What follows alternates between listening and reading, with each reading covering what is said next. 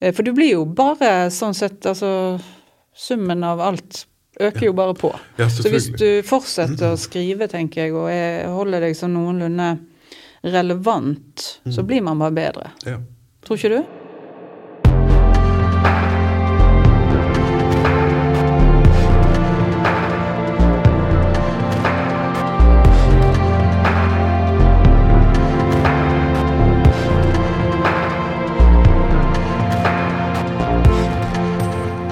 Hei, dette er Skapelsesberetninger. Jeg heter Håvard Legrid, Mitt navn er Eivind Riise Hauge. og sammen lager vi denne podkasten for Bergen offentlige bibliotek.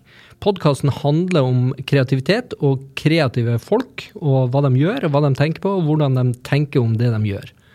For å gjøre det her, så intervjuer vi jo eh, folk. Og hvem er det vi har med oss i dag?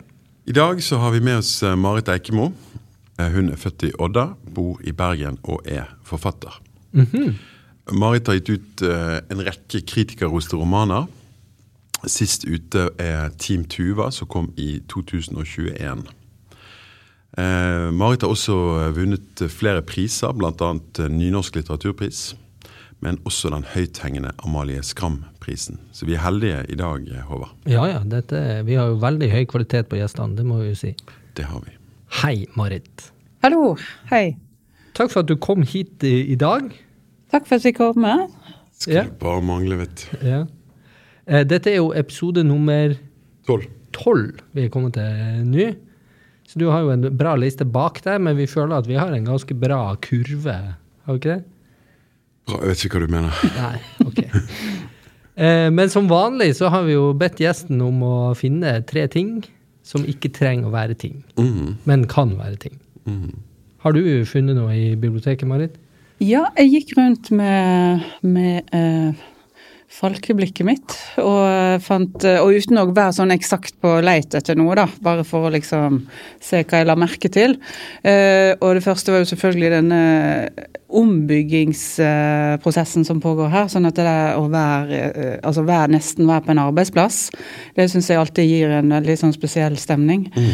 Eh, ja, og, og kombinert, tror jeg, med, med munnbind og alle restriksjonsplakater og sånn, så ble det litt mer sånn, uh, mer sånn uh, foruroligende enn jeg egentlig så liker disse arbeidsplassene litt. Litt Ja. sånn, eh, og så traff jeg en kompis, da. Jeg vet ikke om dette eller kompis var litt overdrevet, men en tidligere kollega som også hadde nettopp hatt uh, kron, så nettopp frisk liksom uh, for, for et par dager siden. Så det er liksom samtalen og blikket, alt det visuelle, er veldig forandra fra før eh, eh, når en er på biblioteket. Og også så på avisframsidene så var det sånn ja, dette med skjenkesøksmål og Det er, det er en eh, en annen eh, tid nå, eh, rett og slett. Eh, og jeg syns Og biblioteket var ikke noe unntaksarena for det på noen som helst måte. Um, så det var vel én eller to, kanskje, observasjoner. Skal jeg bare si alle i ett, eller? Ja, det vil... Vil du Men du, jeg har et spørsmål. Det er litt Ja. på siden av saken. Men han, han som hadde hatt omikron, som du traff, sa han noe om hvordan det hadde vært? Det var mild influensa. Ja, okay. Det er det de alle sier nå. eh, og de eh, eh, Ja, han var vel vaksinert, da, siden ja. Men jeg hadde jo det sjøl for i fjor, i november. Ja, Og ble skikkelig ja jeg hadde det nå i november. Ja, og det hørte hørte jeg om at du også eh, ble veldig sjuk, selv om du var vaksinert. Så det forteller vel litt om hvor sjuk du kunne blitt, tenker jeg? Eller? Absolutt, det kan, det kan veldig godt tenkes, da. Men nå, eh, nå tyder vel alt på at den her omikron er liksom, i alle fall noe mildere, da. Ja. Eh, Det er i hvert fall det som eh, ja, Jeg syns det forandrer seg daglig. Man er vel ikke helt sikre på noen ting. Men eh, jeg bare, det som jeg leste i dag, da, var at selv om du har hatt delta, så gir ikke det noen beskyttelse mot omikron. Ah. Og sier du det? Ja. Ja. Så eh, det blir Det alle, noe, vi alle noe å glede oss til. Ja, det blir et flott år, folkens. ja. Ja, men jeg har det hatt, for å eh, ta oss inn på temaet, da. Mm. Eh, eh, har det svekka din eh, skaperevne, eller deres skaperevne, i etterkant? Ja, altså jeg, jeg må bare si, jeg vet ikke hvordan du hadde det, men jeg, em, jeg fikk det jo i som sagt i november i fjor. Det var før noe vaksinering, og det var vel den, liksom, den opprinnelige varianten jeg fikk. Og, og da var jeg jo helt sånn isolert oppe på rommet eh, og kunne ikke selvfølgelig jobbe da, men jeg fikk også litt sånn utmattelsessyndrom. Eh, Ja. og litt sånn Jeg er redd for å si det, men jeg fikk rett og slett litt sånn kognitiv svikt umiddelbart etter ja. eh, på. Og det, altså, egentlig så varte det utmattelsen jeg tror ne, gjennom hele vinteren. og Da holdt jo jeg på å Det var i skrive 2020 du fikk den? mm, Ja, så da skulle jo jeg ferdigstille romanen som kom nå. Ja. Ja. Eh, Så det var ganske tøft og veldig sånn der eh, Sånn at jeg bare kunne falle i umiddelbar søvn Mm. uh, mange ganger for dagen. Uh, helt sånn ufor Altså Ja. uanmeldt, liksom. Mm. Sitt, og spesielt når jeg satt og skrev, da, så er det sånn eh, Det er bare sånn plutselig fall i søvn med fingeren på X eller Z. Ja. Nei, Jo, jo, jo. Og våkne opp Det er jo eh, sånn narkoleptisk, ja, ja, nærmest. det var det, rett og slett. Eh, Så det var alltid like spennende å se eh, åtte sider med X eller Z, eller Så det var egentlig en ganske tung Våkne eh, til å si 'Å, faen, det manus begynner å bli langt'. Her går det unna. Men eh, Så det var en, jeg syns det var en tung, eh, tung skapelse sånn sett. Mm, mm. Men Men var du, i, altså, du var i sluttfasen av jeg er jo på en måte sånn sett alltid i sluttfasen. Men eh, ja, ja. Jeg leverte jo Skulle jo levere da i juni. Mm. Ja. Så, mm. Oi, så det var det mest intense skrivefasen. Var det? Mm. Ja, det var egentlig Når jeg begynner å snakke om det nå, så kjenner jeg at det var tøft. For jeg skulle jo også arrangere um, litteraturfestivalen på Lillehammer. Og Ja. den eh, Ja, der var jo du også, Eivind. Ja, og det var jo, det var jo sånn her Det var jo ganske usikkert, liksom, en stund i hvert fall, hvordan kom det til å gå. Så da var det liksom på skuldrene dine, i tillegg til å fullføre et manus, liksom. Ja, det var egentlig Og det var, det, der, det var jo den usikkerheten alle levde med, som skulle arrangere noe som helst. Altså Vi hadde jo alternativ A, B, C. Jeg var jo av og til oppe i det, liksom, for hvordan dette blir. Og med en gang vi hadde lansert programmet, så begynte vi med en gang å omprogrammere. Ja, ja. Veldig, veldig Men det var forresten en fantastisk eh, ting. For at, um, jeg, husker, jeg tror det var torsdagen da, at de utvidet skjenketiden fra 10 til 12. Ja, under festivalen. Riktig. ja, ja. riktig, ja. Og den euforiske stemningen som var på den Altså Det er faen meg noe av det gøyeste jeg har eh, vært med på. Jeg har aldri kost meg så mye så mange dager på rad. Og særlig de fra Oslo, altså. De kom jo eh, Ja. De hadde jo vært nedstengt fra november, vel? Ja. Og så fram til festival, Ja, omtrent riktig. mandagen før. Og de gikk jo og trodde ikke på det. Ja. Så når de kom liksom med toget eh, fra Oslo til Lillehammer, så var de rett og slett litt sosialt forvirra. Ja, ja, ja, Der var de. Skjer dette? Kan vi gå ute? Men det kunne de Ja. pinadø. Altså, for det, ja, for det, jeg tror det var torsdagen liksom, da det kom. eh, liksom at nå, nå eh, kan vi ha åpent til tolv. da. Ja. Og det var jo langt på natt. Ja, det var jo helt vilt. Ja, nei, det er merkelige tider.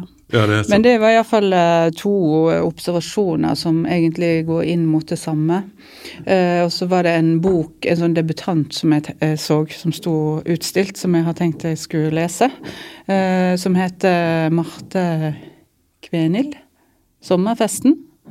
Har du- du lest den, eller dere lest den? Nei, nå kommer den i, i 2021. Mm, ja, altså ja. Ikke debutant. Ikke lest. Mm. Nei. Men uh, den syns jeg virker veldig lovende. da. Jeg begynner med en uh, litt sånn eldre dame som føler seg så svimmel, og så skal hun få besøk av eh, barne, nei, med barn og barnebarn, og så er liksom ting litt i oppløsning, og handler mye om tap og Ja. følelsen av å kanskje miste uh, Og så råderett over sitt eget liv også. Mm. En sånn, jeg syns bare det virker så en veldig fin Ja, tematikk og inngang fra en debutant, da. Mm. Mm. absolutt. Da fikk vi eh, faktisk lesetips. Ja. Det er bra. Men det var bare interessant det du sa med den der eh, følelsen av sånn liksom utmattelse og kognitiv svikt. da. Jeg, jeg sa til min samboer i går liksom at det, jeg driver og glemmer liksom ord og sånn som det. Og jeg har vært så trøtt da etter den der, eh, etter den der eh, eh, deltaen som jeg hadde. da. Så uh, Kan jo være Ja, det, det virker altså Det er jo mange som aldri kommer meg helt til hektene igjen, rett og slett. Nei, men det kan godt være det, og det slår jo veldig forskjellig ut. Uh, og jeg uh, Det med kognitiv svikt, det varte forhåpentligvis, da. Eller si, insisterer jeg på at det varte litt sånn kort tid. Men da var det veldig sånn Jeg hang rett og slett ikke helt med. Mm. Det er veldig ubehagelig sånn driver og gjentar deg sjøl med en gang du har sagt noe, så sier du samme med en gang til. Trodde kanskje bare jeg hadde tenkt det, og så Ja, Og så hvis folk sa sånn Eh, eh, ja, for det første, for det andre, for det tredje. Og så da kom til det tredje, så hadde jeg glemt det første. Da var jeg helt ute. så det var litt uh... Forsmak på hvordan pensjonisttilværelsen blir. ja. Oh, ja, ja, så du, i så fall så er du nok litt uh, mildt ramma av utmattelse. Ja, det, det, et eller annet har det vært. da. Men jeg bare håper det går på frem nå, da. Vi, men hvor lang tid tok det, da? Bare... Nei, det tok liksom ganske stor del av den vinteren for meg og ut mot våren. og ja. Men, uh, men, det er ja. mange som har rapportert om det samme. Mm. Sånn long covid. Ja, mm. Men du klarte jo å produsere begge tingene likevel. Både festival og bok, ja. Ja, ja mm, det gjorde jeg. Og det er jo man, Må man, så må man, liksom. Mm. Men det er jo ja, Men det er jo fort å gå helt i kjelleren etterpå. da. Du, Det som var bra, var jo at uh, man hadde sånn hjemmekontor og reiste ikke så mye som en pleier. Jeg var jo utsatt for mindre press. Ja. Uh, sånn at hvis jeg måtte sove midt på dagen fem ganger, mm. så kunne jeg Og det var jo ikke lange økter, men sånn Nei. Da kunne jeg jo gjøre det, for da var jeg jo bare hjemme. Kunne jo ikke gjort på et kontor. Nei. Sett litt rart ut. Ja. Nei, nå må jeg gå og legge meg. Eller bare sovne over tastaturet. Ja. Nei, så det tror jeg har vært eh, tross alt bra da, i denne fasen, at han har hatt mindre eh, press på seg. Men så tror jeg ikke liksom helt klar over hva litt denne mangelen på energi og oppdrift gjør med oss over tid. Mm. Og impulser og sånn. Ja. For nå kjente jeg iallfall det når vi gikk inn i et nytt år, at, eh, at det var en helt sånn nummen følelse. Ja. Uh, og vi har jo blitt så mye overraska også i denne pandemien. Vi har jo, mm. trodde jo aldri at det skulle vare så lenge som det gjorde. Uh, og uh, ja, jeg, trodde, jeg, tenkte jo at når det begynte i mars, så skulle det jo bare fortsette til ut semesteret. Mm. Det måtte jo det måtte jo viruset forholde seg til, tenkte jeg. Sånn semestervis. så hele tida måtte omstille seg. Ja, og det er interessant, for Jeg husker så godt eh, liksom, en av disse tidlige dagene i mars i fjor. Nei, i forfjor blir det vel. Så hadde jeg eh, besøk av en kamerat som sa at liksom, vi snakket om vaksine og sånn. Så det, ja, de får vel et eller annet opp. Nei, det tar minst halvannet år, sa han da. Herregud, jeg hadde liksom tenkt et par måneder må de ja. Ikke dette liksom skikkelig dyktige folk. da. Det må de fikse. Men halvannet år og du, Når du hører det, så har du liksom ikke begrep om hvor lang tid halvannet år er. da. Nei. Men da gikk det opp for meg. faen, Dette kommer til å vare det. Det kommer til å vare lenge. Og så er det selvfølgelig alle disse nye variantene da, som, eh, som stadig vekk dukker opp. Så eh, det kan godt hende at det er bare noe vi må leve med. da. Eller lære oss å leve med. Ja, jeg tenker jo kanskje at i en sånn type Eller det jeg merker på meg sjøl. Altså den eh, at, at, den der isolasjonen, eller altså den litt manglende mobiliteten, at du får færre impulser, sånn gjør at man blir mye mer innadskuende. Mm. Og så tenker jeg, jeg er jo ikke så veldig innadskuende i utgangspunktet. Og da tenkte jeg jo at enn folk som er voldsomt sånn mm. tenker innover til vanlig, mm. det må jo uh, bli veldig ekstremt. Altså Innadskuende, er det et ord? Jeg, jeg sitter jo og finner på sånne ting hele tida. ja, men du skjønner hva jeg mener? Altså at man, eh, du, går og grunner på mm. ting. og så, Hvem er man? Hva er det vi driver med? Altså, sånne mm. typer spørsmål som man eh, egentlig ikke har så mye rom for å reflektere over. Men så blir det jo påtrengende når du sitter på hjemmekontoret. Så sitter man her og så mm. spekulerer. Altså, altså, det er jo også veldig alarmerende hva den uh, isolasjonen gjør f.eks. med utsatte grupper ja. i samfunnet, mm. som barn. Da. Så det ble jo lagt fram en ganske rystende rapport før jul om uh, uh, Dette må vi kanskje sjekke, var det ikke 25% økning i seksuelle overgrep? Ja, i, ja. i, pandemitiden ja. er ganske Eller det er sterkt alarmerende. Mm.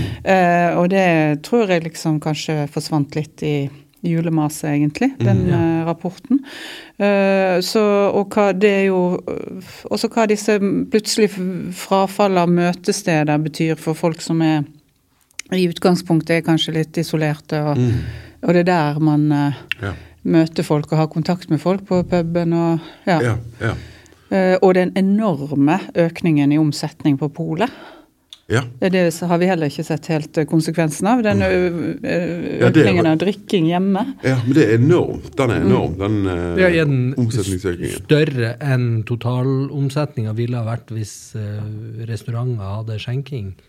Ja, det vet jeg ikke om det Jeg, jeg har i hvert fall ikke noe, noe tall på det, da. Men om den Eller om man De bare sa, de sa iallfall at de kom til å slå al- altså sette noen rekorder nå som de aldri kom til å komme i nærheten av. ja, Og det var jo tomt i hyllene, liksom, eh, Ja. på polet. Masse ting som var utsolgt De køene, vi har jo sett Ja. de, sant. Mm.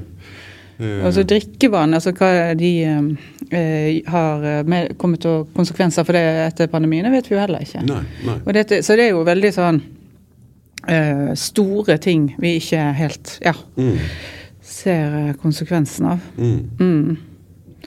Og det er jo på en måte en altså Pandemier har, har jo herjet før. Men sånn, enhver tid har jo, vil jo få sine utfordringer med, med det. sant? Ja, Så det må sikkert, eh, må sikkert ta et litt, litt perspektiv på det for å få liksom, det overblikket som, som behøves. da. Kanskje vi har forandret oss også.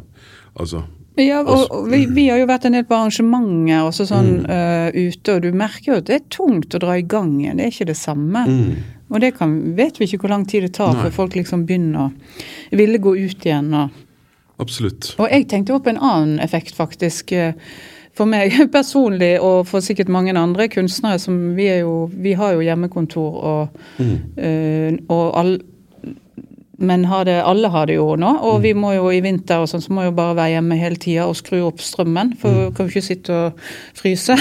og så får du jo enorme strømregninger. Mye større enn du ellers ville hatt hvis du kunne gått på jobben eh, hele dagen. Ja, det er også sant. Så det, og for oss i litt sånn utsatte kunstnergruppejobber, så er det ganske presserende. Ja, det er så. Det er ikke noe gøy, det der. Vi hadde jo Tom, Tom Kosmo som påstod at den, den pandemien den hadde ikke hatt noen effekt Ikke han. på han. Nei. Nei, han gjorde akkurat det samme. Som han alltid har gjort. som Ja. han alltid har gjort. At det, liksom, ja, det var jo liksom Pågikk jo der ute, men han var jo hjemme, og så gikk han på studioet Ja. og lagde tingene sine, og han snakka jo ikke med så mange i løpet av dagen uansett, så Nei, for han var det kanskje nest, nærmest litt sånn en litt uh, fin øh, og rolig periode. ja. For arbeid, arbeidsro og mm. Ja, det jeg kjenner jeg mange sånn forfattere og disse litt sånn eldre garde som uh, ikke føler at det har hatt så veldig stor innvirkning på, Nei. Nei. På livet deres. Men det er, jeg har jo også en sønn på 21 år. Altså, en del av disse unge kan jo risikere å liksom gå gjennom en hel bachelorgrad uten å ha hatt ett, Ja. ett vanlig studieår, og det syns jeg er så nitrist. ja, det er tragisk. Ja, jeg syns det. Og ja, alle disse reisene som de planlegger, utveksling som Ja. ikke blir noe av. Og, mm. Utrolig formative år som Ja. eh, ja. Ja, og så er det jo sånn at eh, det er jo Det vil jo komme flere pandemier. Ja, ja. Men nå var jo ikke dette pandemipodden, så Ja, men du, er, ikke dette en, er, ikke det, er ikke dette en sånn, sånn aktuell podkast? Jo, jo, jo. Og vi skal jo innom dette temaet. Det, jeg hadde det jo i mine, mine notater, men det var helt til slutt. Ok, men sånn kan det gå. Men, Ja. det, men poenget er jo også som Altså, det kommer jo inn i skrivingen òg. Altså, Mm. det blir jo en del av eh, eh, altså bakteppet i, Ja. i, i litteraturen som skrives nå. Og også i f.eks. i min siste Mm. bok, så bruker, bruker jeg det jo. Ja. Uh, ikke for å bruke det, men fordi at jeg liksom jeg bruker det til enhver tid har rundt meg. Ja. uh, ja. Ja, absolutt. absolutt. Jeg, jeg, jeg også, I min siste bok så nevnes det jo. Ja. For det, du kan ikke unngå det, rett og slett. da. Nei, og det er jo mulig den mentale coviden skal vare mye lengre enn eh, viruset. Mm. Altså at mm. dette vil jo bli skrevet om og snakka om og diskutert og malt og laga filmer om og alt mulig. I, Misforstår jeg det nå, eller er den mentale coviden et annet et annet det er ikke den måte kognitive svikten din. Det er noe annet. Ja, skjønner. skjønner. Det med, jeg tenker mer på liksom sånn en idé, for det vil jo være Det er jo akkurat som du sier, at de der eh, de bachelorstudentene som, eh, som skal gjennom en hel periode, Mm.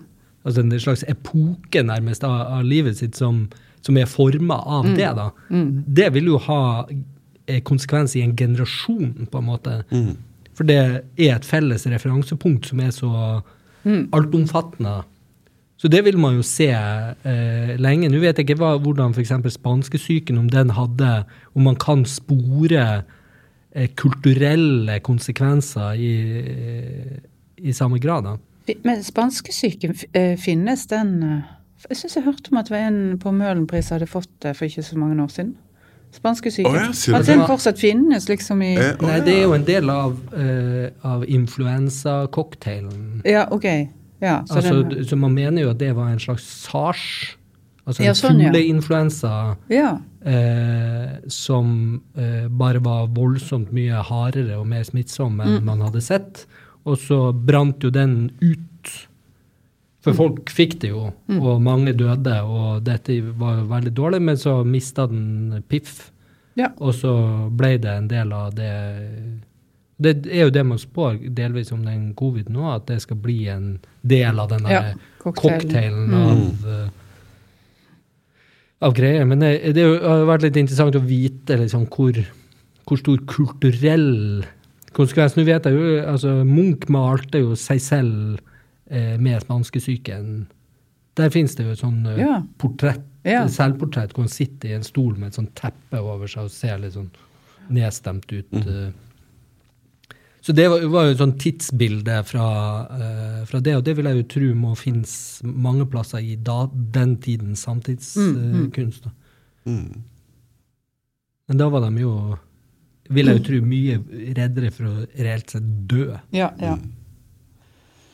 Enn vi er. Vi syns jo det er svært ubehagelig. Det var det jo. Ja. Det var det jo. Men jeg fryktet ikke for livet. Nei, Ikke på noe tidspunkt. selv ikke med kognitiv svikt. Nei, den er vedvarende. Den er vedvarende. Mental konsekvens, var det det du sa? Ja.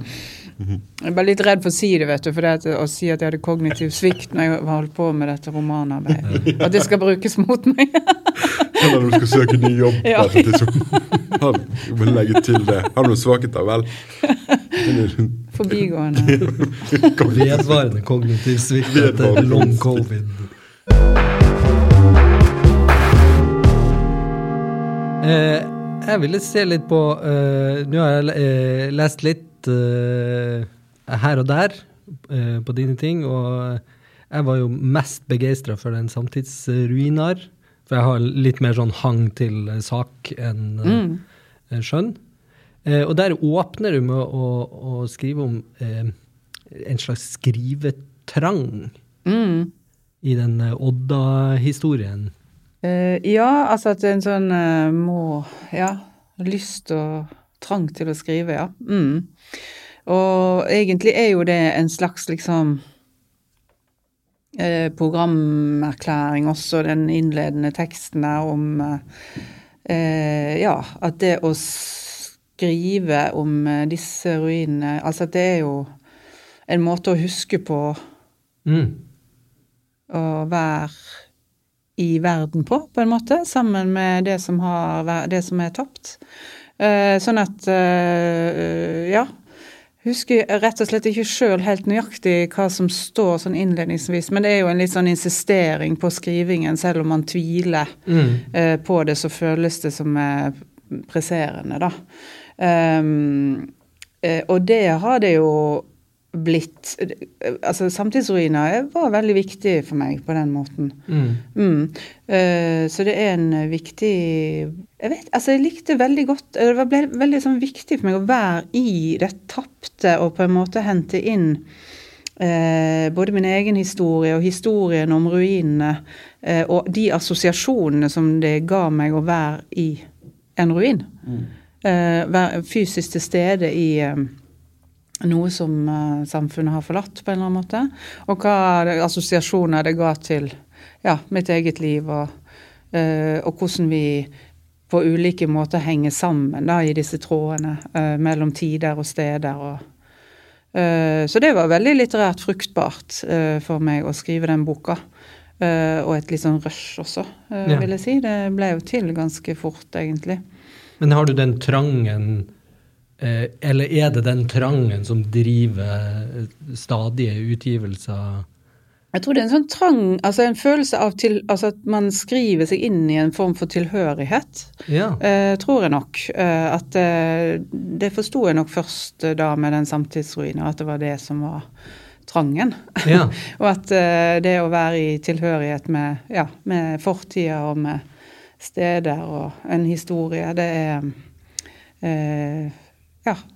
Og det å skrive om det, det var en viktig erkjennelse for, for, for meg hvorfor jeg eh, i det hele tatt skriver. For jeg var jo liksom flau av det ganske lenge, jeg, å være, skulle være forfatter. Og, så etter debuten, ja, det syns jeg var veldig sånn flaut og uh, litt sånn jålete. Eh, så hvis, ja, jeg vet ikke om det handler om at det, jeg syns det var det fordi at jeg ikke hadde skrevet så mye. uh, så jeg syns det var pompøst. Eller det at man Jeg kommer fra det der som jeg kommer fra, der var ikke det noe ansett som noe sånn jobb Nei. øh, å ha. Øh, jeg kommer fra, fra Odda, og ja, det er litt sånn Dette har jo Frode også Grytten snakket en del om òg, at det er mm, Ja. Veldig sterk. Kommer fra et samfunn med sterk arbeidsmoral og knytta til det veldig fysiske, konkrete arbeidet, det som skaper verdier. og ja. Mm. Så, så det var nok det, litt sånn Men nå forstår jeg jo at jeg er forfatter. Det er den måten jeg er, Ja. jeg, ikke, jeg er i verden på. Altså Alt jeg opplever når jeg går rundt i, i dagene mine, er jo ting som uh, forvaltes Mm. og brukes på en eller annen måte eh, litterært. Så det er på en måte min ressurs. Mm. Og det er interessant det der med, med det der, eh, det der med å identifisere seg med sant? At det tar tid. da. For En kamerat av meg som husker jeg sa på jeg det, var sånn lyrikk eh, Det der eh, programmet som NRK hadde med Annelita Meinich. Hva var det het for noe igjen? Eh, samme det, men jeg husker han sa liksom det, sitatet liksom, det å gi ut en bok, det er forferdelig flaut. Og det er jo liksom fordi at eh, Jeg tror det er liksom noe henger sammen med noe av det du sa med den der At eh, du sa vi brukte ordet jålete. Det er liksom sånn, altså noe å smykke seg med, da, på, på et vis. sant?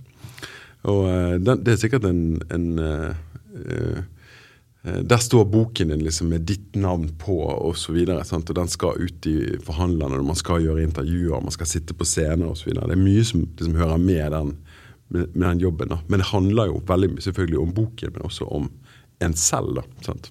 Ja. Og det er jo kanskje noe som kan være for mange liksom, i en sånn følelse at dette er jo litt pinlig, rett og slett. Dette er litt, litt småflaut. Ja, og liksom, ja, at du liksom prøver å tro du er noe, eller eh, og at, eh, Ja, å gå inn i en sånn litt I den enorme litterære tradisjonen. Mm, nettopp. eh, hva du tror du er, Ja, liksom. ja, ja, ikke det. Ja, det er jo mer enn nok litteratur. Ja, Mm. mer enn nok. Ja. Ja, nei, jeg, jeg syns det er litt sånn eh, Jeg skjønner hva, hva dere sier på et vis, men så tenker jeg tenker jeg driver mest med illustrasjoner, altså Mm. visuell produksjon. Eh, og der er jo hele, hele vitsen er å vise det frem. Hvis ikke så er det ikke eh, Så er det på en måte ikke. Mm. Den, eh, det man lager, fins ikke før den møter Møter noen, nei. eh, Mm. møter noen eh, sånn at den eh, Der er jo mer en sånn frykt for om det er bra nok. Mm. Eh, jeg kjenner på ikke sånn eh, liksom en, en skam over Mm. Ja. At du har vært så frekk å gjøre det. Ja. ja. Det, det, det er litt mer skamløs. eh. Ja. Ja, men, men får du aldri en sånn følelse? Se på meg, se, nå skal jeg, jeg, vise, jeg vil gjerne vise dere noe jeg har laget. Jo, jeg aldri- føler jo at det er fem år hver gang jeg Ja, ja, ja, holder på. Altså det, det er jo der. Men Ja. eh, deg trangen til å vise det frem er Mm. likevel mye større enn den derre eh, Ja. hvor liten man føler seg. Mm. Ja, men det er jo, det er jo, det er jo helt sant, da. Ja. Sant? Altså, apropos skrivetrang. Altså, trangen til å gjøre det er jo eh, sterkere. Ja. Mm. Betydelig sterkere. Mm.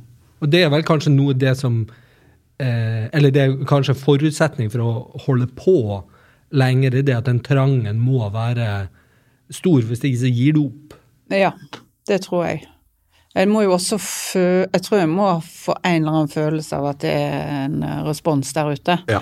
Eh, hvis det, fordi at når du sitter og skriver, så er ikke, iallfall ikke jeg så veldig opptatt av det. Eh, jeg gleder meg til hva de syns og sånn. Eh, da er du veldig sånn konsentrert om, Ja. eh, om det. Eh, men hvis liksom responsen hadde uteblitt, og blitt helt sånn, da tror jeg nok at jeg hadde forholdt meg til den realiteten og begynt med noe annet. Ja. Jeg tror det, altså. Jeg, ikke, jeg har aldri hatt noe sånn, sånn eh, Ja, at, at, jeg, jeg har, at jeg tror at jeg har et sånt At det, den, min litteratur må ut til folket. Men uh, hvis du skjønner? Ja, ja. ja, ja absolutt. Men jeg tror også at skrivetrang for meg, også i liksom kanskje småbarnsfase og sånn, har vært uh, også knytta til det å være i fred. Ja. Eh, rett og slett. eh, å rydde, klare å liksom rydde seg litt tid til å eh, være i fred. For det er jo såpass eh, intenst ja. eh, i sånn eh, i den tida der, da. Så det er sånn sammensatt, egentlig. Eh, jeg gikk ikke rundt sånn på mm, barneskolen og ungdomsskolen og tenkte at jeg skulle bli forfatter. Jeg tror ikke jeg hadde den type sjøltillit. Men var du, begynt å, var du begynt å skrive liksom, altså dikte på den tiden? Nei. Ja, ja, jeg gjorde det sånn på skole og skrev Mm. eh, voldsomt lange eh, stilbesvarelser som eh, altfor lange og bomma ofte på oppgaven. Men det var det ofte i form av sånne noveller og Mm.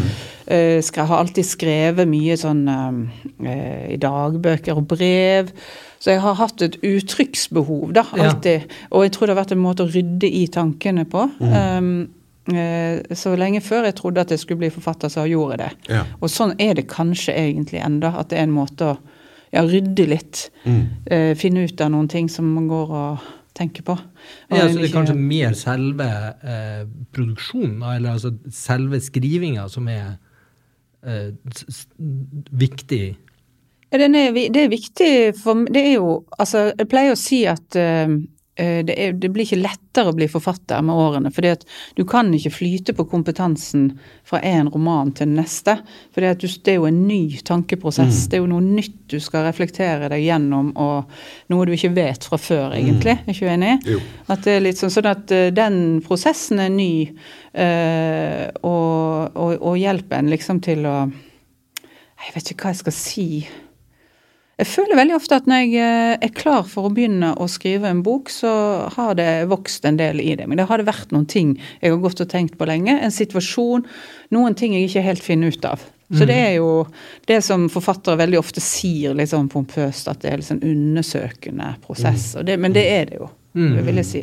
Men er det slik i din prosess at du at du, altså du Er det en, en, en tanke eller et, liksom noe undring eller et konsept som, som går og går Du går med det lenge før du liksom begynner å skrive, eller, eller begynner du å skrive og ser hva som kommer, eller hvordan Jeg går ofte med nesten som et, eh, av og til som et bilde inni meg, av, ja. som fester seg som noe visuelt. eh, Som er noe sånn en scene jeg ser for meg. For eksempel eh, når jeg skrev eh, 'Alt inkludert', en roman som handler om en mor og en datter som kommer eh, flyttende til et nytt nabolag, som bare kommer inn der som to fremmede som eh, rir inn i, eh, inn i byen, på en måte. Som er et sånn klassisk eh, litterært motiv. Og så ser jeg de bare for meg de har litt for tjukke klær eh, for å være sommer, og de de skal egentlig bo i en sokkelleilighet. Hvem er det som gjør det egentlig? Og så begynner det bildet blir mer og mer tydelig for meg, og så tenker jeg på et eller annet tidspunkt dette må jeg eh, finne ut av eh, hvordan det går med de. Hvem er de andre folkene i det huset, i det nabolaget, og så begynner det. Så da må jeg, når jeg blir nysgjerrig nok, på en måte, så, så må jeg begynne å skrive. Ja. ja. Går det, går det Altså, du har jo ganske mange utgivelser bak deg. Er det ti bøker? Ja, eller vet, enten ti eller ni. Eller det begynte, med, det begynte jo med en intervjubok. Ja, den, den, den, eller reportasjebok. Ja. ja. Så Men- den eh, regner jeg sånn sett ikke med som en sånn litterær eh, produksjon, da. Men uh, den var veldig viktig for meg fordi at eh, Og det var et sånn Conamore-prosjekt. Jeg hadde lyst til å skrive om ungdom fra Mm. Ja. Vestlandet i, eh, som 15-20 år. Jeg synes Den det er er fra viktig. 99, stemmer det? Ja. Ja. Og da hadde jeg jo vært eh, redaktør, eller som bladansvarlig i dette Tid og Sted, ungdomsmagasinet til eh, Bergens Tidende. Vet ikke om dere Jo, jo, det husker jeg. husker det? Ja, ja, tid og sted. Ja. ja. Eh, og det var jo en utrolig gøy periode. og Da kom vi veldig mye i kontakt med ungdom da i, i den uh, fasen der. Uh, i den, og, det, og da hadde jeg bare lyst til å jobbe mer med det. Jeg syntes det var så spennende, rett og slett. Så jeg jobber med noen veldig gode fotografer. Og, så det var et sånn Conamore-prosjekt som jeg aldri trodde skulle slå noe an. Vest, ungdom på Vestlandet, liksom. Svart-hvitt foto og Men det, det gjorde det, og det gjorde også at redaktøren i Samlaget Ja, for det den er også gitt ut på Samlaget. ja, Ja. og en av de eh, redaktørene da som så, oppfordra meg etter det til å prøve å skrive skjønnlitterært. Ja. Ellers tror ikke jeg at jeg hadde gjort det. Eller tørt. Eller ja. Mm. Mm. Så sånn sett så er den viktig. Ja. eh, Det er den. Men eh, disse, og så er det ja, den essaysamlingen, da, så Hvor mange Nei, jeg vet ikke helt. Det er sikkert ni eller ti. ja, jeg tror Ni det. Men det er, jo, det, er jo, det er jo da, hvis det er 20 år så, cirka, så er det nesten bok annethvert år, da. Ja, faktisk. Det, det, det har jeg tenkt over, at det er faktisk det. Mm. Uh, og det, det er jo jo Nå var det så Hardanger i 2019, og, eller var det 2020? Nei, det var 2019. 2019. Ja, Og så 2021 til Tuva. Så det er to år der også. Ja, men, og det er, så, det er så raskt som en kan uh, Ja. uh, skrive, tror jeg. ja. En kan jo selvfølgelig gjøre andre prosjekter og sånn, men eh, så mye mer enn bok annethvert år tror ikke jeg eh, Nei, Jeg tror det er vanskelig. en roman på to år, det er liksom, du trenger du trenger to år. Ja. Ja. Og kanskje også denne var denne siste litt lettere å skrive enn en vanlig roman, også fordi at den er jo på en måte en samling eh, avsluttede egentlig Ja, tekster som ja. noveller. Så sånn sett så var den nok lettere. Jeg syns det er et Ja. altså, forferdelig slitsomt å skrive disse romanene. Blir så utslitt av det. Men var det sånn, tenker på, Det er jo litt interessant det du sa, sa der med at fordi du hadde jo Du, hadde jo, du ga jo ut den novellesamlingen Hardanger da, i, Ja. i, i 19. Og så, men tror du det hadde noe betydning for formen på Team Tuva? Mm. Helt klart, for det var også et veldig sånn lystbetont uh, prosjekt. Følte meg veldig nær det Mm. prosjektet, sikkert også pga. geografien. og uh, Ja, jeg kommer jo fra Hardanger. Ja. altså, Jeg likte å være nær de der karakterene, kjenne de liksom, Ja. kjenne typen. Ja. De der litt så suverene grunneierne. liksom, Finner seg ikke i hva som helst. Og, ja, men litt så, og samtidig ha type handlinger som uh, Ikke så annerledes te tematisk enn jeg ellers skriver om, sånn sett. Men eh, det, det syns jeg var et overskuddsprosjekt, eh, det novellesamlingen, og likte formen. Så det tror jeg nok henger sammen. ja. Mm. Og at det har vært så utmattende å skrive disse romanene. Det var godt å få en liten sånn pause Ja, fra den. ja, det, ja, ja. Du blir jo så lei av deg sjøl når du holder på med de romanene. ja du, så skal du ja, og det er svære tekstmassen og eh, Ja. Så helvetes eh, liksom, redigeringsjobben er også med det, sant? for å få alt liksom Ja. til å funke og sånt. Uh... Ja, Så begynner du å endre noe her, så må du gå voldsomt Ja. tilbake. Det, altså, den er flytende Og den vet du, sånn er den. Det er en sånn flytende prosess Ja. til du bare plutselig da en dag er vet at du er ferdig. Ja, ja. Og den er jo god, da. Ja, den, følelsen. Det er, det, det er jo det beste. Men uh, du må jo være i det kaoset, iallfall jeg. Jeg, vet ikke, jeg jobber veldig intuitivt. Sånn at det der kaoset må du bare leve med da i nærmere to år. Ja. Til det plutselig bare Ja, nå var det faktisk ferdig. Ja. Men skriver dere liksom eh, på ulike deler av en sånn roman samtidig, eller er det mer sånn lineært? eh? Nei, altså jeg tror nok jeg skriver sånn ganske lineært, men det er bare det at du gjør så store endringer. Et, altså går fram og tilbake i Ja. teksten eh, hele tida. Altså den bare vokser i alle retninger mens du holder på. Mm. Så det er det som gjør selve prosessen litt sånn kaotisk, mm. syns jeg. da, Og litt sånn uoversiktlig. Mm. Uh, ja. Men uh, noen uh, Jeg trodde jo f.eks. Uh, Kjartan Fløgstad var en sånn forfatter som gjorde veldig mye research før han begynte på eh, romanarbeidet, da. For jeg, sn jeg snakket med han og Dag Solstad sammen om eh, skriving, om romanskriving. Så jeg trodde jo da, Men det gjorde han altså ikke. Han begynner veldig intuitivt, Mm. han også. Mm. Men gjør mye research underveis da i prosessen. Ja. Så det var egentlig litt sånn overraskende. Men det er spennende å høre hvordan de jobber. Ja, ja, absolutt. Og to, eh, men, men eh, Solstad, da? Var det null research? Eller Den Telemarksboken må han ha gjort Ja, det er jo research. Mm. enormt mye research. Men det som han sa, er jo at uh, han kan ikke skrive om ting Det må nesten gå liksom 20 år. Ja. Eh, Sånn at han var nok ikke, kom nok aldri til å kunne skrive om f.eks. Utøya eller Nei, ja. nei. Eh, For han eh, klarer ikke Han må ha 20 års Avstand. Ja. avstand. Ja. Mm. Ja. Mm.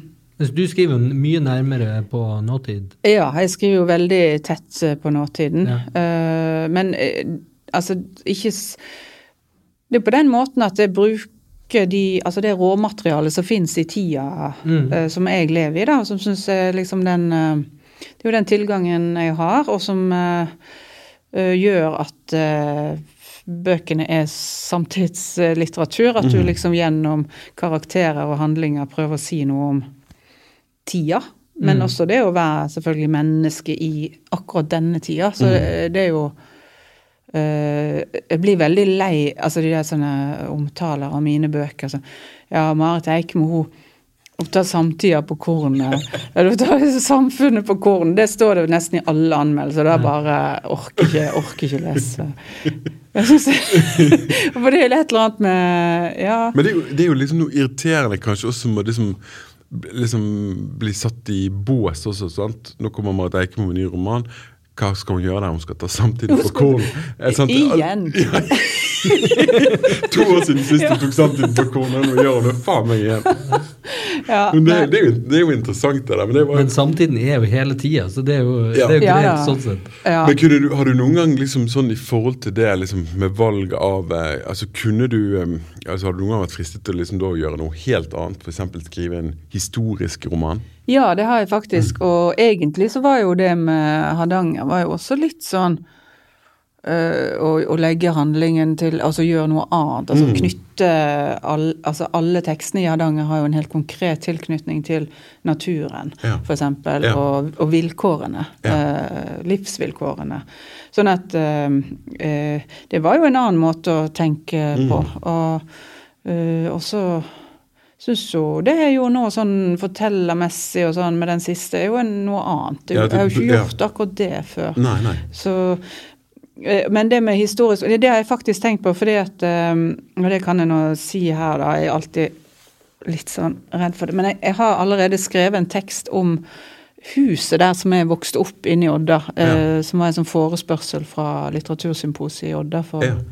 Noen år siden. Jeg skulle skrive om temaet heim. Ja. Og da tenkte jeg jeg skulle skrive om den konkrete heimen, da, det som jeg vokste opp. og og det syns jeg også var utrolig sånn litterært uh, fruktbart, egentlig. For det er sånn, det er ikke et vanlig hus, men det er sånn hus som ble bygd på 50-tallet, rett etter krigen.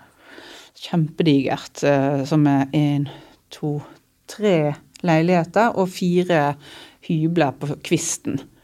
Fordi Der var jo boligpolitikken at hvis du skulle ha lån, få lån til å bygge eget hus etter krigen, så skulle du huse flest mulig folk.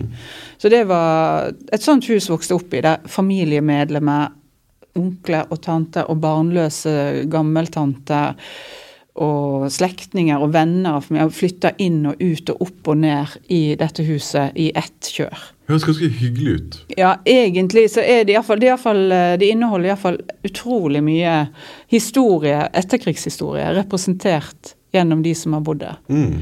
Eh, Så det har jeg egentlig tenkt eh, at jeg vil jobbe videre med, kanskje i romanform. Spennende. Eh, veldig neste spennende. gang. Mm. Da kan vi si til våre lyttere, det er som dere hørte det her første gang, Ja. at nå skal Marit ta fortiden på kornet. Ja.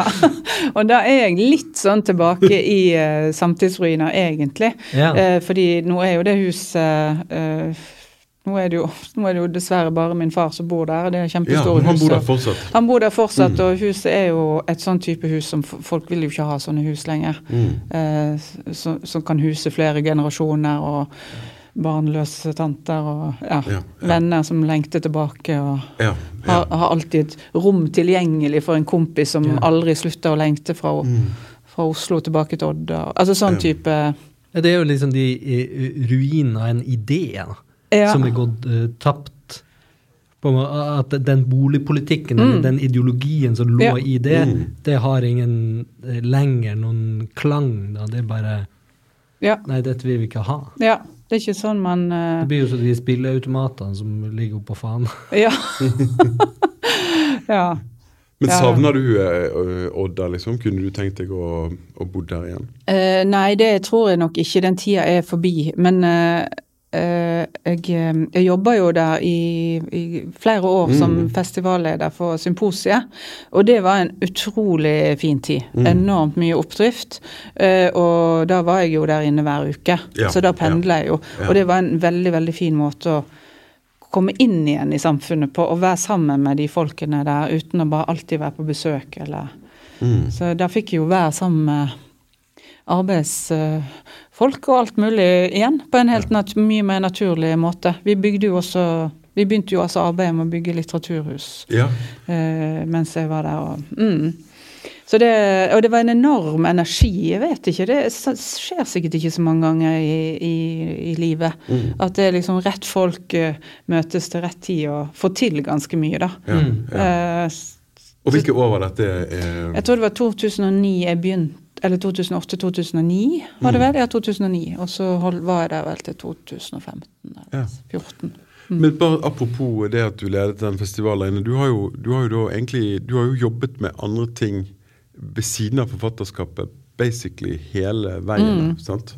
Mm. nå da er det kunstnerisk leder for, eh, for det heter for, eh, for eh, Norsk litteraturfestival, altså Lillehammer. Eh, festivalsjef i Odda. Eh, Kornateatret. Eh, jeg glemmer sikkert eh, mange ting nå. Men eh, du har liksom jobbet hele tiden ved siden av. da. Hvordan har du liksom, hvordan har du syntes det har vært å kombinere det å ha et som alminnelig virke å gå til ved siden av det å så skulle eh, produsere bøker? Ja, altså På mange måter så har jeg jo likt det veldig godt. Altså Jeg liker jo veldig godt de fellesprosjektene som eh, ja, som, Ja. som dette er, da. Og jeg lik, likte jo kjempegodt å jobbe i, um, i Cornerteater òg. Og være med liksom å bygge det litt mer opp i forhold til uh, For der var du frem til 2020, stemmer det? Ja, det stemmer vel. Ja. Ja. Mm. Eh, og så uh, Men det blir jo for mye. Altså Ja. Og det er en kombinasjon av at eh, jeg eh, er veldig prosjektorientert, Mm. sånn at jeg liker å uh, være med og få ting til å skje. eh, og den er, det er jo både energigivende, men også Du blir jo sliten òg. så det kommer nok til et punkt på sånne typer prosjekter der jeg føler at nå, jeg, nå har jeg gitt det jeg kan gi her, nå får noen andre overta. Ja. Eh, og det har som regel en sånn treårs eh, ja. eh, tidsperspektiv på. Ja. Så det er veldig sånn prosjektorientert i hodet. Eh, og da trenger jeg nok den der eh, energien det gir, eh, oppdriften, og så trenger jeg også å ha fred og ro til å skrive. Så det vekselbruket har vært veldig viktig. Og så har det også vært selvfølgelig også økonomisk helt nødvendig. Jeg har jo fire barn, så jeg har et stort forsørgeransvar. Men, men det er jeg, har også likt veldig godt å være i kontakt med samfunnet. ja. Så det har aldri hatt noe ønske om å trekke meg tilbake sånn og sitte og skrive og tenke og se ut på en fugl ut vind... Altså, så, skjønner du? Det ja, der jeg skjønner det der jeg får veldig inspirasjon av eh, helt sånn Når du jobber på Cornertat, så er det jo ikke bare kunstnere du har med å gjøre. Men du, alle, jeg var jo også styrer for baren. Ja. Ja, sånn at jeg hadde jo kontakt med bryggeriene og altså rørlegg, alle, alle folk som har med et stort hus å gjøre. Hadde jeg Det, det er jo veldig lærerikt også, og det er jo liksom det er jo alltid, altså Disse tingene vil jo alltid være nyttige i liksom litteraturen en skriver. Kunnskaper vil jo liksom altså, eh, liksom En måte å se det på er jo liksom hvis du gjør det og trekker deg tilbake og ser på den fuglen, så liksom, du har jo ikke noe annet enn det som foregår i deg, da. Hvis du forstår hva jeg mener. Du har, ikke, du har jo ikke den kontakten med verden. Du vet ingenting om bardrift. Sant? Nei.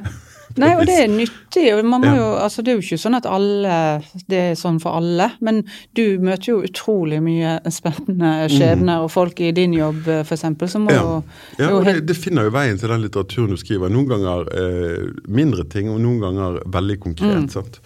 Eh, så, så jeg tror at jeg tror at jeg ville Jeg kan ikke se for meg at hvis jeg liksom bare tok det steget tilbake og satt og, og så på den fuglen, da, så tror ikke, så tror ikke jeg Jeg tror jeg hadde funnet at det har vært veldig vanskelig å produsere uten impulser fra virkeligheten da, og livet slik det leves eh, for folk flest. Ja. Nei, jeg er enig. Jeg syns det er, har vært viktig for meg. Og så er det balanse alltid, det der når du sliter deg ut, og når altså, hvor tid blir det for mye. og Eh, For det blir jo for mye. Ja, det blir for mye. Eh, Å ha sånne store, fulle jobber og skulle skrive og ha et familieliv, eh, det sier seg nesten sjøl. Ja, det er ikke helt nok tid eh, Nei, til Og så blir man jo ikke yngre, så man tåler jo ikke like Ja. mye lenger heller av eh, veldig mye sånn ytre press, da. Men eh, jeg tenker jo for min del, nå er jeg 50 år, at nå Og det er jo en god ting med det å være forfatter. Jeg føler ikke at jeg blir dårligere, Mm. sånn hvis du skjønner. Altså Egentlig så er det nå, kanskje 20 år fram, da, Mm. så er mine beste år. Og, da, og det, tenker, det tenker jeg veldig sånn. Det er nå, nå må jeg passe på tiden min, rett og slett. Ja, Eh, egentlig så bør jeg ikke drikke for mye alkohol lenger. Altså jeg bør liksom, Tida er verdifull. altså må, kan ikke drive med denne festingen eh, lenger. Og kanskje burde jeg etter hvert også ha mindre andre forpliktelser. ja. Eh, og barna begynner å bli litt større, og ja. Eh, for du blir jo bare sånn sett Altså summen av alt øker jo bare på. ja Så hvis du fortsetter å skrive, tenker jeg, og jeg holder deg sånn noenlunde relevant, så blir man bare bedre. Ja. Tror ikke du? Jo, det tror jeg. For det er jo, en, det er jo Man øver jo seg. Ja. Altså Gjennom hele forfatterskapet, egentlig. Og målsetningen er jo alltid å Man må jo alltid prøve å ta liksom hvert fall opp et eller annet nivå, liksom. Hver gang, eller eksperimentere med nye ting, eller gå i en annen retning. Eller i hvert fall sånne ting som jeg syns er, er spennende, som gjør at jeg alltid er interessert i å fortsette. da. Alltid prøve liksom å finne på noe nytt, eller lage noe som er litt nytt. da. Og det kan jo bety så mange ting, da. Men øh, Og, og eh, jeg har jo liksom, som deg, da, øvd på dette i, i mange år etter hvert. sant? Så jeg håper jo virkelig at det blir bedre, og at ikke den kognitive svikten setter inn for fullt for fort. så ja. Jeg, men jeg, det, jeg likte den tanken. Fra 50 til 70, da skal jeg skrive mine beste bøker. Det høres sånn. veldig bra ut. Men det er nok ikke heller tilfeldig at det kanskje er sammenfallende med at forfattere da blir mer uh, opptatt av historie ofte. Ja. For det gjør de jo. Ja. Uh, altså at det har med alder At du kanskje er mindre også ute i, Mm, ute i samfunnet. Mm, absolutt. ja. Ja. Men skiller du eh, Det er jo litt interessant, altså det med når du har sånne kreative dobbeltroller og altså mange ulike eh, prosjekter og sånn, eh, så kan det jo på en måte høres ut som å lage et skille mellom liksom forfatter-Marit, eh, mamma-Marit og eh, jobbe-Marit da, på, på et mm. vis. Og at, eh, og at det òg er en slags rangering her, da, at den, den eh, premie, eller den beste, det er den eh, kreative eh, ska- forfatteren, da. Eh, Ja. Jeg tenker jo, jeg prøver jo å liksom balansere det på en måte hvor jeg tenker at det er det samme. Det spiller ikke noen At jeg helst ville Jeg skjønner jo at jeg får det ikke til, men at jeg helst ville at det var det samme. At mm. alle prosjekter har lik liksom, interesse og ja. eh, Altså at det ikke egentlig er et skille, at man skaper altså- hele tiden. Altså tilsvarende tilstedeværelse. Ja, i ja. alle, liksom, ja, det er jeg enig i. Det er jeg helt enig i. Og det tror jeg, det tror jeg er en helt sånn viktig, riktig holdning å ha også, til det man driver med. Uh, og at det som er min erfaring, og sikkert din også, at du, du drar jo veksler. Det ene Ja. genererer jo det andre. Ja. Så sånn sett så må man alltid tenke at det en driver med, har verdi. Ja, for jeg synes i- at det, det, det er mye sånn altså Innenfor designere og sånn som jeg kjenner, så er det mange som sånne aspirerende. Da snakker man om dagjobben, og så snakker man om, om den egentlige eh, jobben, på en måte. Og så tenker jeg, hvis du driver med en sånn type rangering, da, på en måte, så går du glipp av eh, hvordan disse to tingene kan eh, befrukte hverandre, og at du lever jo et helt liv. Ja. Du har ikke liksom Ja. eh, helt om dagen, helt om kvelden eh. Du må jo være den i, i stor grad den samme. Hvis ikke så Eller jeg skjønner iallfall ikke det. Nei, det er jeg helt enig i. Jeg tror det Ja, men det er jo litt egentlig det samme vi sier òg, at vi drar veldig veksler på det. Mm det som vi gjør, og når vi er i kontakt med samfunnet, på en måte, så er jo det Ja. Eh, Ja. eh, jeg tror nok aldri jeg kunne hatt en sånn type jobb sånn eh, som, ikke, som jeg hadde føltes var meningstom, Mm. eh, ved siden av skrivingen. Nei. Noe du bare måtte gjøre for å få penger. Så det tror jeg nok ikke hadde ligget for meg. Men samtidig så tror jeg nok at jeg ville syntes at veldig mange jobber hadde vært Altså, ja, ja. jeg har jo ja, Jeg liker jo veldig godt uh, disse her mer sånn fysiske uh, jobbene òg, som jeg har hatt altså i industri og Har jo Ja. likt det også. Ja, ja. Noe med det Ja. Eh, jeg tror jeg liker veldig godt eh, fellesskapene i, som oppstår i, um, i disse jobbene som ikke er det skrivende. Mm. Og at det kanskje rett og slett er litt sånn nødvendig. For når du skal være så mye isolert i, i dine egne tanker ellers, Ja. så blir du veldig lei av deg sjøl, Ja, iallfall ja. jeg. Ja, jeg så jeg, jeg setter utrolig Ja, blir veldig inspirert av, av fellesskap. Ja, og de, de tingene man opplever, de finner jo, i hvert fall i min erfaring, så finner de jo liksom litt sånn uante veier inn til, inn til det du skriver. da. Plutselig så er det i teksten eh, der uten at du egentlig hadde ment det, men det er liksom ting du spiller på, ting du vet, ting du har sett, ting du har opplevd og levd med. Liksom finner veien til det du, det du skaper, litt sånn uvegerlig. Mm. Mm. Så hvis jeg ikke hadde hatt noe liv utenom, så er jeg veldig for Jeg har ikke noe så rikt indre liv at jeg liksom bare kan pøse ut. Eh, Det, det liksom ville være helt utenkelig på meg. Jeg ville blitt lei av å se på den fuglen ganske fort. da. Ja. Med mindre det var en hegre som jeg så forleden dag som jeg syntes var veldig fascinerende å stå og se på. Ja. Ja, Men det er jo sånne forskjeller i, i liksom ideer. du har den der ideen om inspirasjon, noe som bare liksom kommer ovenfra og så detter ned i hodet. Og så har du den ideen om at det er liksom en sånn brønn som du bare velter ut av fra indre. Eller at du liksom samler impulser Ja. fra utsida og så setter det sammen. Det er jo liksom sånne ulike myter eller idealer. Ja. Som jeg te- tenker at det er jo en blanding. Det er jo litt av hvert, som oftest. ja, det tror jeg. Absolutt. Og så tror jeg det der å skulle sitte og tro at du kan suge alt av eget bryst, liksom. Og da har du jo kanskje en Det, det er en personlighetstype. Det, Ja. som, Men jeg, men jeg tror de er litt altså de er sjeldnere enn de det man ja. f- på en måte får inntrykk av. Da. Og så er det jo liksom den her brønnen som Ja. du skal suge av, da. den kan jo gå tom da, hvis du ikke Du må jo fylle på her på et vis. Men det kan jo også være Jeg savner jo i mitt liv at jeg skulle ha my, altså, lest mye mer. Ja, ja. Uh, så det, det føler jeg er et stort eh, savn, uh, og at der er det mye å hente sånn. Eh, i- hvis man ikke får vært så mye ute i samfunnet, så er det iallfall mye å lese om. Men eh, jeg føler at jeg ikke får gjort like mye. Jeg får lest mye samtidslitteratur, da, særlig i denne jobben, og det er jo bra. Men jeg savner eh, det der å sitte med klassikere og gå langt tilbake. og Den roen finnes den liksom nesten ikke. Det, det, det syns jeg er et savn. Mm. Nei, ja. I hvert fall med, sånn, med, med, med jobb og, og eget forfatterskap og fire barn. Sant? Det, er jo, det er ikke bare bare å finne den tiden til, til å Nei, tiden er en ting, og så er det alle distraksjonene. Ja, ja. Er, ikke, er ikke alle blitt litt sånn Jo. fokka i Jo. hodet? Jo. At det er veldig vanskelig å holde Jo, det tror jeg er veldig sånn tidssymptomatisk. ja. Så Jeg de- kjenner jo bare at det der ønsket Altså at jeg ønsker å unnslippe i form av å sette meg ned og tegne, at den trangen til liksom Mm. Nå må distraksjonene må vekk, sånn at jeg du er flink til å gjøre det, du er flink til å stå, Jo, men det er jo liksom Jeg, jeg føler at tegning, og muligens musikk eller eh, sånn, har en sånn iboende egenskap til at det krever så stor konsentrasjon at når du først har opparbeida deg en slags sånn vane, da, Mm. så kan du nesten skru det på.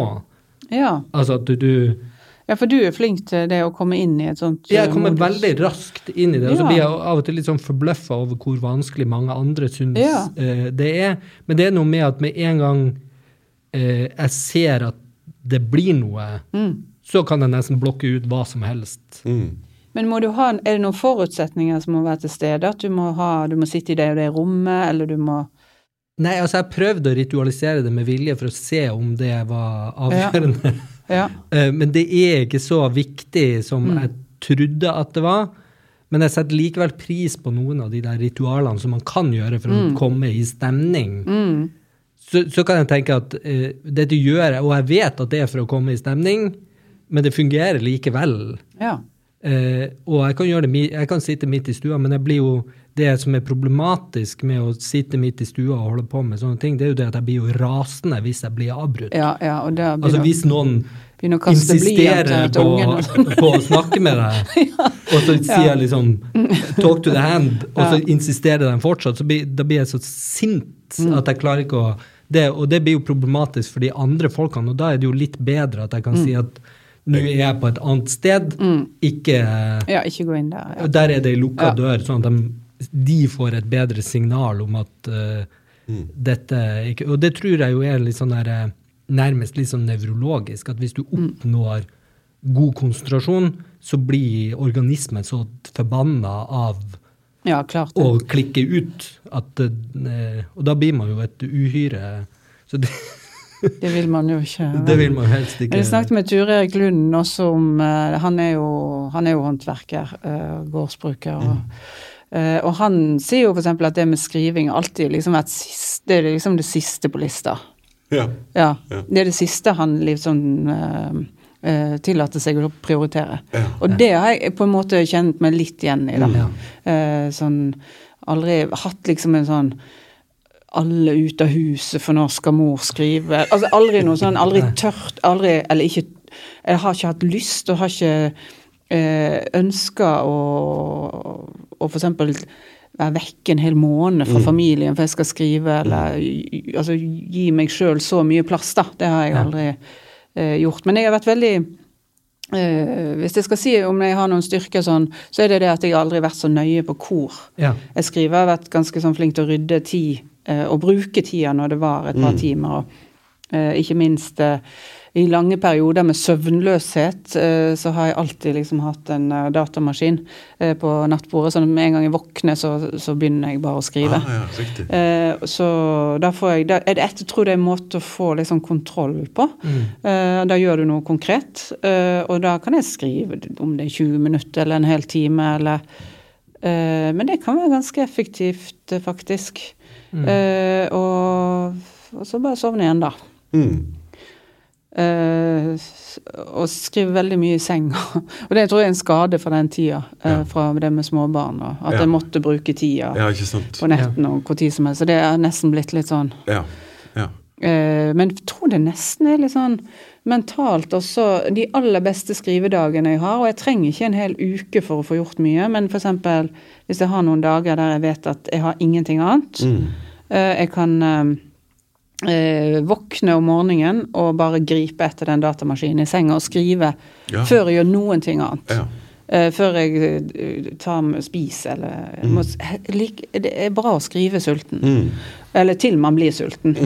Eh, og så kan jeg gå og ta lunsj og ha en litt sånn lang eh, pause, og sånn, og så begynne å skrive igjen utpå kvelden eller ettermiddagen. Og så til så lenge jeg orker. Og gjerne ta med da datamaskinen i senga som det siste jeg gjør. Mm. Skrive til jeg, ikke, til jeg sovner, og så neste dag igjen Mm. Ja. kunne gripe til den som det første. Mm. Den, det kan du ikke holde på med så lenge, men noen sånne dager, hvis jeg har det helt sånn fritt for andre forpliktelser, og sånn, da kan jeg få gjort mye i løpet av sånn tre dagers tid, eller to-tre dager. Ja. Ja. Jeg får jo sånn at jeg liksom våkner opp i sånn ulvetimen, sånn der eh, Tre. Nei, litt tidligere enn det, men at i, på kvelden sånn fra 11 til 1, så Å, er ja. jeg egentlig helt sånn topp. Da er jeg liksom maks kvikk i, oh, ja. Oh, sånn, ja. Er i, i skallen. Og, da, uh, og det, det blir jo det er jo sånn problematisk, og det har jeg merka jo eldre blir, at jeg tåler det jo dårlig. Men jeg kjenner likevel liksom Ja, men det er bare en time til, så blir dette skikkelig ja, men Du tåler det dårlig fordi du er så trøtt dagen Ja, etter? jeg blir helt eh, kjørt, og så er jo hjernen helt oppgira. Så du har jo rare drømmer og liksom er helt Ja, ja. eh, Du får, sover jo dårlig hvis du er sånn sånn Men likevel, jeg kjenner jo det sånn klokka 11. Ja, da blir kona litt sigen, og så blir jeg litt sånn Oi, nå Og så ja, men jeg skal bare sitte litt til, og så blir jeg jo sittende, og så blir det jo altfor seint. Men, og jeg sitter jo og vurderer hva er risikoen. Men likevel så er Og så Ja, der gikk det to timer, så da Mm. Og så tenker jeg nå må jeg bare gå og legge meg, men hvis jeg ikke hadde hatt noe å gå til, så hadde jeg jo tenkt sånn nei, Kunne bare fuck it, jeg kan bare Ja. sitte. Mm. For det er jo også litt sånn, det er jo litt sånn overskridelsen i sånn slags utmattelse. da. Når du blir litt sånn over kanten, så kommer det jo sprø ting. eh. Det, var, det skal jeg sitere på. Når det blir litt over kanten, så kommer det sprø ting. Ok? Skjønner. Ja, men du, skjønner. du, du vil ha ja. ja, for jeg, altså, jeg har jo følt på eh, Ja, litt det at eh, eh, Egentlig det å finne den derre kalvinist, litt sånn kalvinistiske arbeidsmoralen. Mm. At jeg må gjøre de, de tingene jeg må først, og så kan jeg gjøre de tingene jeg vil. Ja. Altså, ja. det, er en, det er en litt sånn der oppvekstskade, på, på en måte. Samtidig som jeg, jeg setter jo pris på ideen om at det er jo, det er jo noe, noe godt med det òg, at ja, du skal gjøre det du skal, og så kan du gjøre det du vil. Men Ja. det kan være helt sånn kontraproduktivt at på mange måter så er det noen ganger du må tenke ja, men nå gjør jeg bare det jeg vil, og så Ja, eller du må gjøre det du Altså når du kan Altså når du er best til å gjøre Ja. Altså det er jo et eller annet med hvis du Hvis jeg skulle vente helt til klokka fire med å begynne å skrive, så hadde jeg vært da hadde ikke ja det hadde ikke gått. Det er et eller annet med at du må skrive når du vet at du er mest produktiv. Mm. Og da trenger du ikke liksom tenke at jeg får ikke gjort noe hvis jeg ikke får liksom en hel uke. Da kan mm. skjer det jo to effektive timer per dag være bra. Hvis du får brukt den riktig, riktige Ja, tid. og så er det jo vanskelig å holde på, syns jeg, med eh, å, å skrive noe, liksom, noe mer enn kanskje to timer. da. Altså det Ja. er kanskje altså, sånn jeg sitter Jeg kan sitte lenge og redigere og flikke og flytte på ting og sånn, men det er jo liksom akkurat det der når du skal liksom lage noe, da. Så syns jeg to timer egentlig Jeg tror ikke jeg klarer å konsentrere meg egentlig noe. Det er sant, det. det er sant. Og så har jeg også lært at Uh, eh, å ha mer og mer tillit til at du jobber selv når du går Ja. en tur, Ja. Ja, eller faktisk. gjør andre ting. Altså De her produktivitetsguruene de sier jo jeg er jo litt sånn selvhjelpsjunkie. Eh, de sier jo, Denne deep work den sier jo at fire timer det er absolutt maks av produktiv Ja. eh, Det er det du, Du går an. klarer uansett. Og da er du på verdenstoppnivå, hvis du Ja. klarer det. Og at det, alle de som påstår at de på en måte er, er gode lenger enn det, Mm. det er sjelden altså Det er ikke noe du klarer å opprettholde som en rutine, Mm. og du lyver. Altså at det, det er fire timer, og det burde på en måte være eh, siktemålet mer enn den urealistiske liksom eh, skippertaket. Fordi at det, det, og det er jo litt sånn som Roald Dahl, han var jo kjent for å ha en sånn her veldig eh, kort rutine. Altså at han, han skrev en og en halv til to timer før lunsj, og så skrev han en og en halv til to timer etter lunsj. Og that's Ja, it. og, og det var det. Det var det. Ja. Da var han helt uh, fornøyd. Ja. For det var det han uh, produserte, og han var jo en produktiv forfatter. Jeg, jeg tror det var også veldig viktig det der at du lærer deg til akkurat det å ha tillit til at dette er det du får ut av en dag, hvis du bruker dagen riktig. Ja. Og at ikke hele tida går gnag og piske deg sjøl for at du ikke får gjort det du skal, type. Nei, det har jeg gjort. Akkurat sånn, sånn selvpisking på det, det har jeg gjort altfor mye. Mm. Alltid liksom dårlig samvittighet. Burde, mm. Herregud, nå, hva, hvordan har jeg brukt den dagen? Jeg burde Mm. jo eh, valgt å legge den opp sånn og sånn. Det skal jeg gjøre i morgen. Så, så bare skuffer du deg sjøl igjen og igjen. Da. Mm. Ja. Og da lærer du jo deg bare at du ikke strekker til, eh, i stedet for at du får gjort eh, noe. Ja, ha tillit til den prosessen, rett og slett. Og det der med um, altså, altså, Blir du trøtt, sov, da. det er også viktig. Ja. Uh, Istedenfor å kjempe for å holde deg våken. Men det, det er også sånn som du sier, tror jeg, at det der er liksom på, på et eller annet nivå med deg når du går den turen. Eller til og med sikkert Mm. med deg når du sover. i alle fall mm. når du er dypt i mm. en, en, et, et manus. da Så er det med deg hele tiden. da Mm. Ehm, Å ha tillit til det, som du sier, det tror jeg er, tror jeg er god medisin. Nå ønsker jeg meg litt sånne eh, eh, karakteristikker av eh, Du har jo jobba med flere andre kreative typer folk, altså både andre forfattere og skuespillere og scenearbeidere generelt. Men hvordan er det Syns du at det er noe forskjell på disse typene? Ja, altså jeg jobber jo også i Festspillene i Ja. en del år, faktisk. Som informasjonsansvarlig der. Under Per Boje Hansen, da han var sjef. Eh, og da var det jo en god del sånn klassisk eh, musikk, og, men også teater, selvfølgelig. Eh, og ja, mye forfattere. Jeg har også vært i, eh, i, eh, i Vigmostad og Bjørke, som mm. eh, jobber på forlagssiden da, som forfatter. Så jeg har jo også eh, møtt forfattere på, på den andre siden.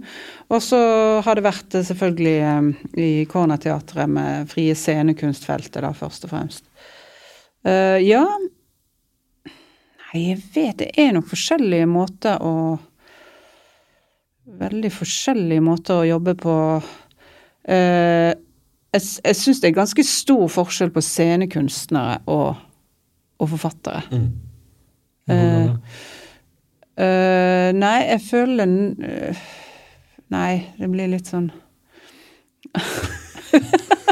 Nå skal vi henge den ut. Nei, nei, men det blir uh, Det, det, var, det, det var litt som å komme inn i en annen litt sånn kunstnerisk sfære, følte jeg. Ja. At de, de hadde en liksom annen måte å orientere seg på og være, Ja. på. Jeg husker når jeg eh, Altså være i kunsten på. Eh, og det er jo sikkert fordi at det er mer av en kollektiv form, Ja. eller det er det jo, enn eh, det som uh, skrivingen er, da. Mm. Uh, men også at kanskje litt sånn ikke alltid like opptatt av sin tradisjon, da. Som for, forfatterne er jo det veldig. At vi leser veldig mye om skriving og om altså, annen litteratur. Mens uh, det gjør kanskje ikke skuespillere på samme måte.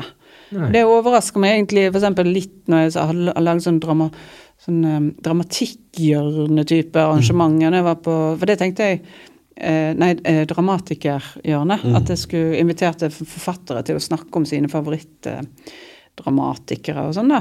På Cornerteatret. Og da, det, var, det var det ikke noe særlig oppslutning om.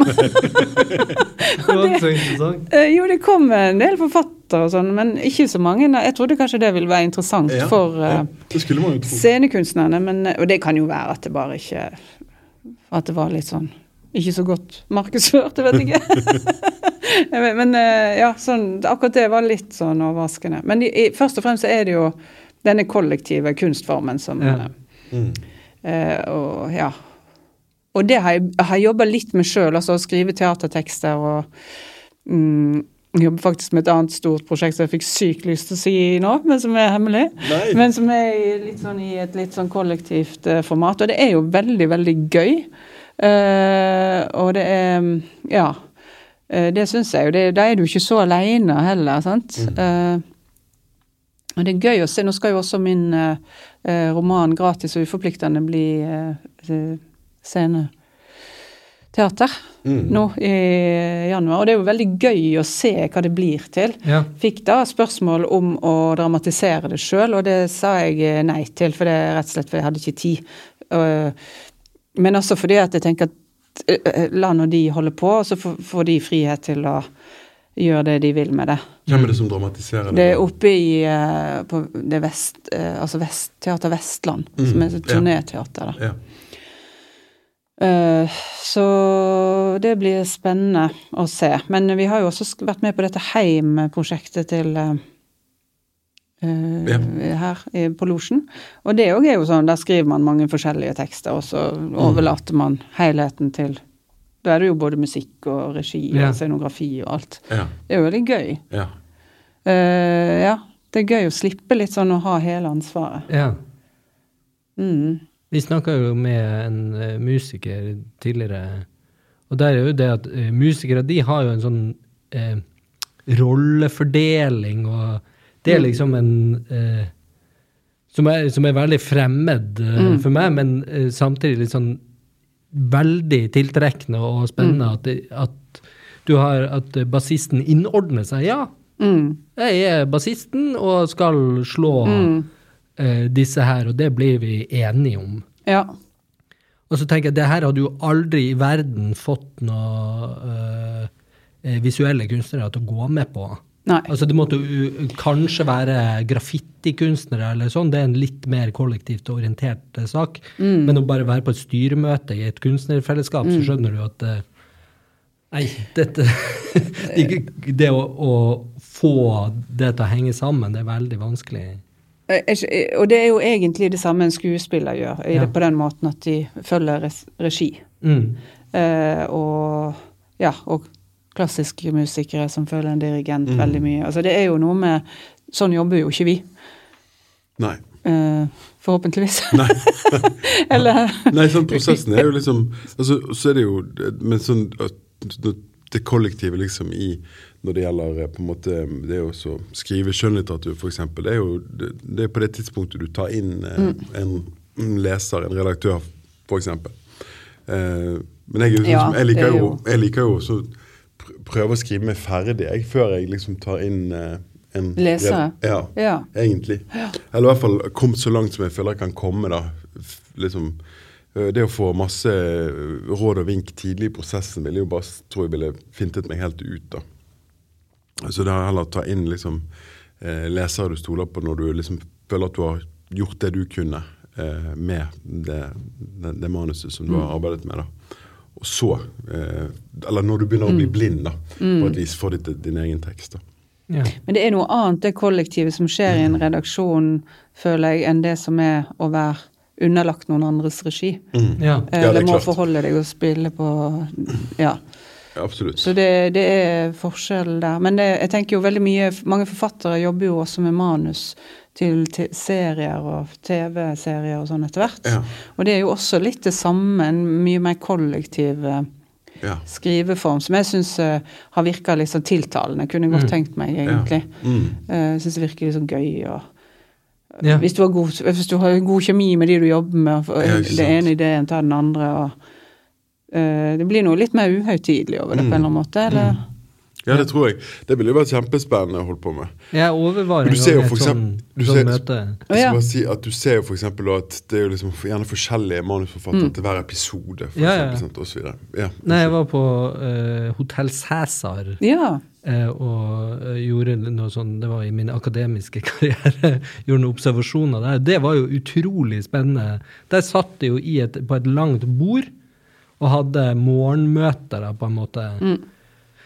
Og da var det jo ulike skribenter eh, som hadde eh, ulike dialoger og segmenter i episoden som skulle produseres, pluss at du lå én eller to episoder frem Ja. i tid. Men det måtte du jo. For det måtte jo også sy sys sammen, for det skulle gjerne gjøres i morgen. ja. Altså, det var jo en sinnssyk samlebåndssak. Ja, ja. eh, og da hadde du jo liksom en, en regissør, eller altså en, en slags leder, og så var det Ja, hva har du? Ja, jeg sitter og jobber med eh, når mm. den og den de møtes og eh, har en krangel om eh, det. Eh, og så var det kanskje noen som kasta inn et eller annet. Ja, der er det jo morsomt at Sånn, sånn. Men helt sånn eh, forbløffende effektivt. Altså- Ikke for å være natig, liksom, men det gikk jo litt på tomgang etter hvert. ja, det gjorde de. Ja, det gjorde de, men du blir jo imponert over hvor, Ja da. ja da. eh, hvor kjapt de klarer å spy ut om kvaliteten er på toppnivå. Det tenker jeg det blir ikke så relevant i Nei det nei selvfølgelig. bildet. Eh, men man ser jo også altså Det er jo TV-produksjoner som har eh, jeg tenker jo særlig sånne såpeproduksjoner og kanskje noe reality som er skripta og sånn, at det er jo imponerende hvor stor produksjon du klarer å, å få. Men at det, det, har, det har selvsagt kreative og til dels kunstnerisk kvalitet i deler av det. Ja, absolutt. Men jeg tror ikke det egner seg for eh, alle. Altså, jeg tror du må ha en evne til å samarbeide. Ja, og du må synes at det, er, det gir energi, det der å kaste, spille Ja, absolutt. og- så og liksom. nå, liksom, i, i liksom, de senere årene, så, så, sånn, så syns jeg det er jo liksom Det er jo kommet en del, apropos sånn som virker veldig spennende, og så skrive en sånn TV-serie-type ting. Og det er kommet en del ting som er med jævlig høy kvalitet. Da, sant? Så da man ser at det, det er liksom det er masse muligheter, og det er, det er, veldig spennende å gjøre noe innenfor et sånt rom. Da. Ja, og det tenker jo liksom forfatter har jo egentlig sånn spisskompetanse på. eh, egentlig kunne vært utrolig nyttig både for romanskrivingen og for eh, manusutvikling. Altså begge deler. at eh, det, det handler jo om historiefortelling Mm. eh, uansett. Mm. Men eh, hadde vært lærerikt å bare vært i et sånn eh, situasjon og, Ja. eh, og, og, og sett hvordan man må tenke litt annerledes i forhold til altså det visuelle, og hvordan Ja, historien sant. skal fortelles Mm. med, li, med andre grep og Ja. Eh, det syns jeg hadde vært interessant. Mm. Så Så han der eh, Han er jo skjønnlitterær forfatter, og han eh, det er Dag Johan eh, eh, Han som skrev den der var det, var det 'Barn'? Han het den ene filmen han skrev, men han er også eh, skjønnlitterær forfatter. Men jeg tror jeg, jeg har det ene manuset tror jeg til det ene. Til, det er interessant Å, ja. å se hvordan de setter det opp også. Da. ja. Sant? Mm. Det er jo liksom også en, en, en ny verden å lære seg. Og Det, og det er ikke likt på liksom, dramatikken. Det, Nei, det er det jo ikke. Mm. Og dramatikken er jo veldig annerledes enn Og man tror kanskje det er vanskelig, men det er en annen måte å skrive på, ja. uh, rett og slett. Selv om På en måte lettere, men det, det, det er veldig annerledes. Mm. Å tenke seg det sceniske ja, og det visuelle og uh, Ja, men uh, Jeg vet ikke. Jon Fosse holdt jo på i årevis med de eh, teaterstykkene sine. Mm, mm. Jeg hadde jo nesten en sånn raid på det, så jeg har Ja. jo tenkt at eh, jo Stor være, produksjon på Ja, kort ja. tid. Sant? Og jeg tenkte at det må jo være noe med den måten å skrive på som er kanskje på en måte eh, lettere enn romanen, da. Ja, ja. Ja så nesten alt er jo lettere enn roman. Ja. Men det er bare det at eh, hvis du skal holde på med det, så må du jo nesten ha et oppdrag. Ja. Og det får man jo ikke på Nei. de norske teatrene. Nei. Ja, vi er eh, så å si ved veis ende, har jeg beregna min indre klokke til å si. Eh, så da er jo spørsmålet om eh, det er noen som har noe å tilføye. Kanskje først du, Marit?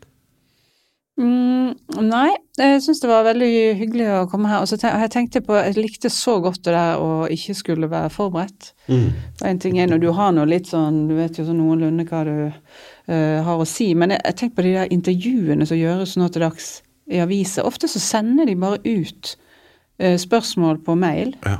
og så du skal svare på. Jeg er ikke sånn at jeg liksom husker har jeg sagt dette før eller ikke. Sant? Så da er det- blir jo faktisk sånn at du ofte bare gjentar deg sjøl, og de stiller ikke noe De Nei. tar ikke noe ansvar heller. Det blir veldig blir så utrolig lei av deg sjøl. Ja. ja. Men det, akkurat den formen for intervju, det, Ja. er, det er helt det er forferdelig, eh, syns jeg. også.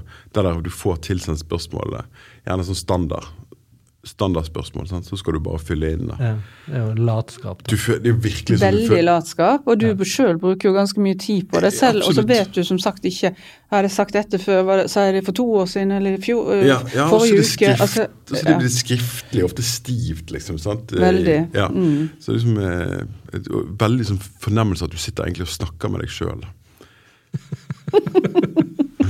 Det gjorde vi ikke i dag. Det gjorde vi ikke i dag. Nei. Nei, Jeg har ingenting å tilføye utover å si at eh, jeg er veldig glad for at eh, Marit ville komme og snakke med oss. Det setter vi veldig pris på. Tusen takk, Marit. Tusen takk. Ja, tusen takk.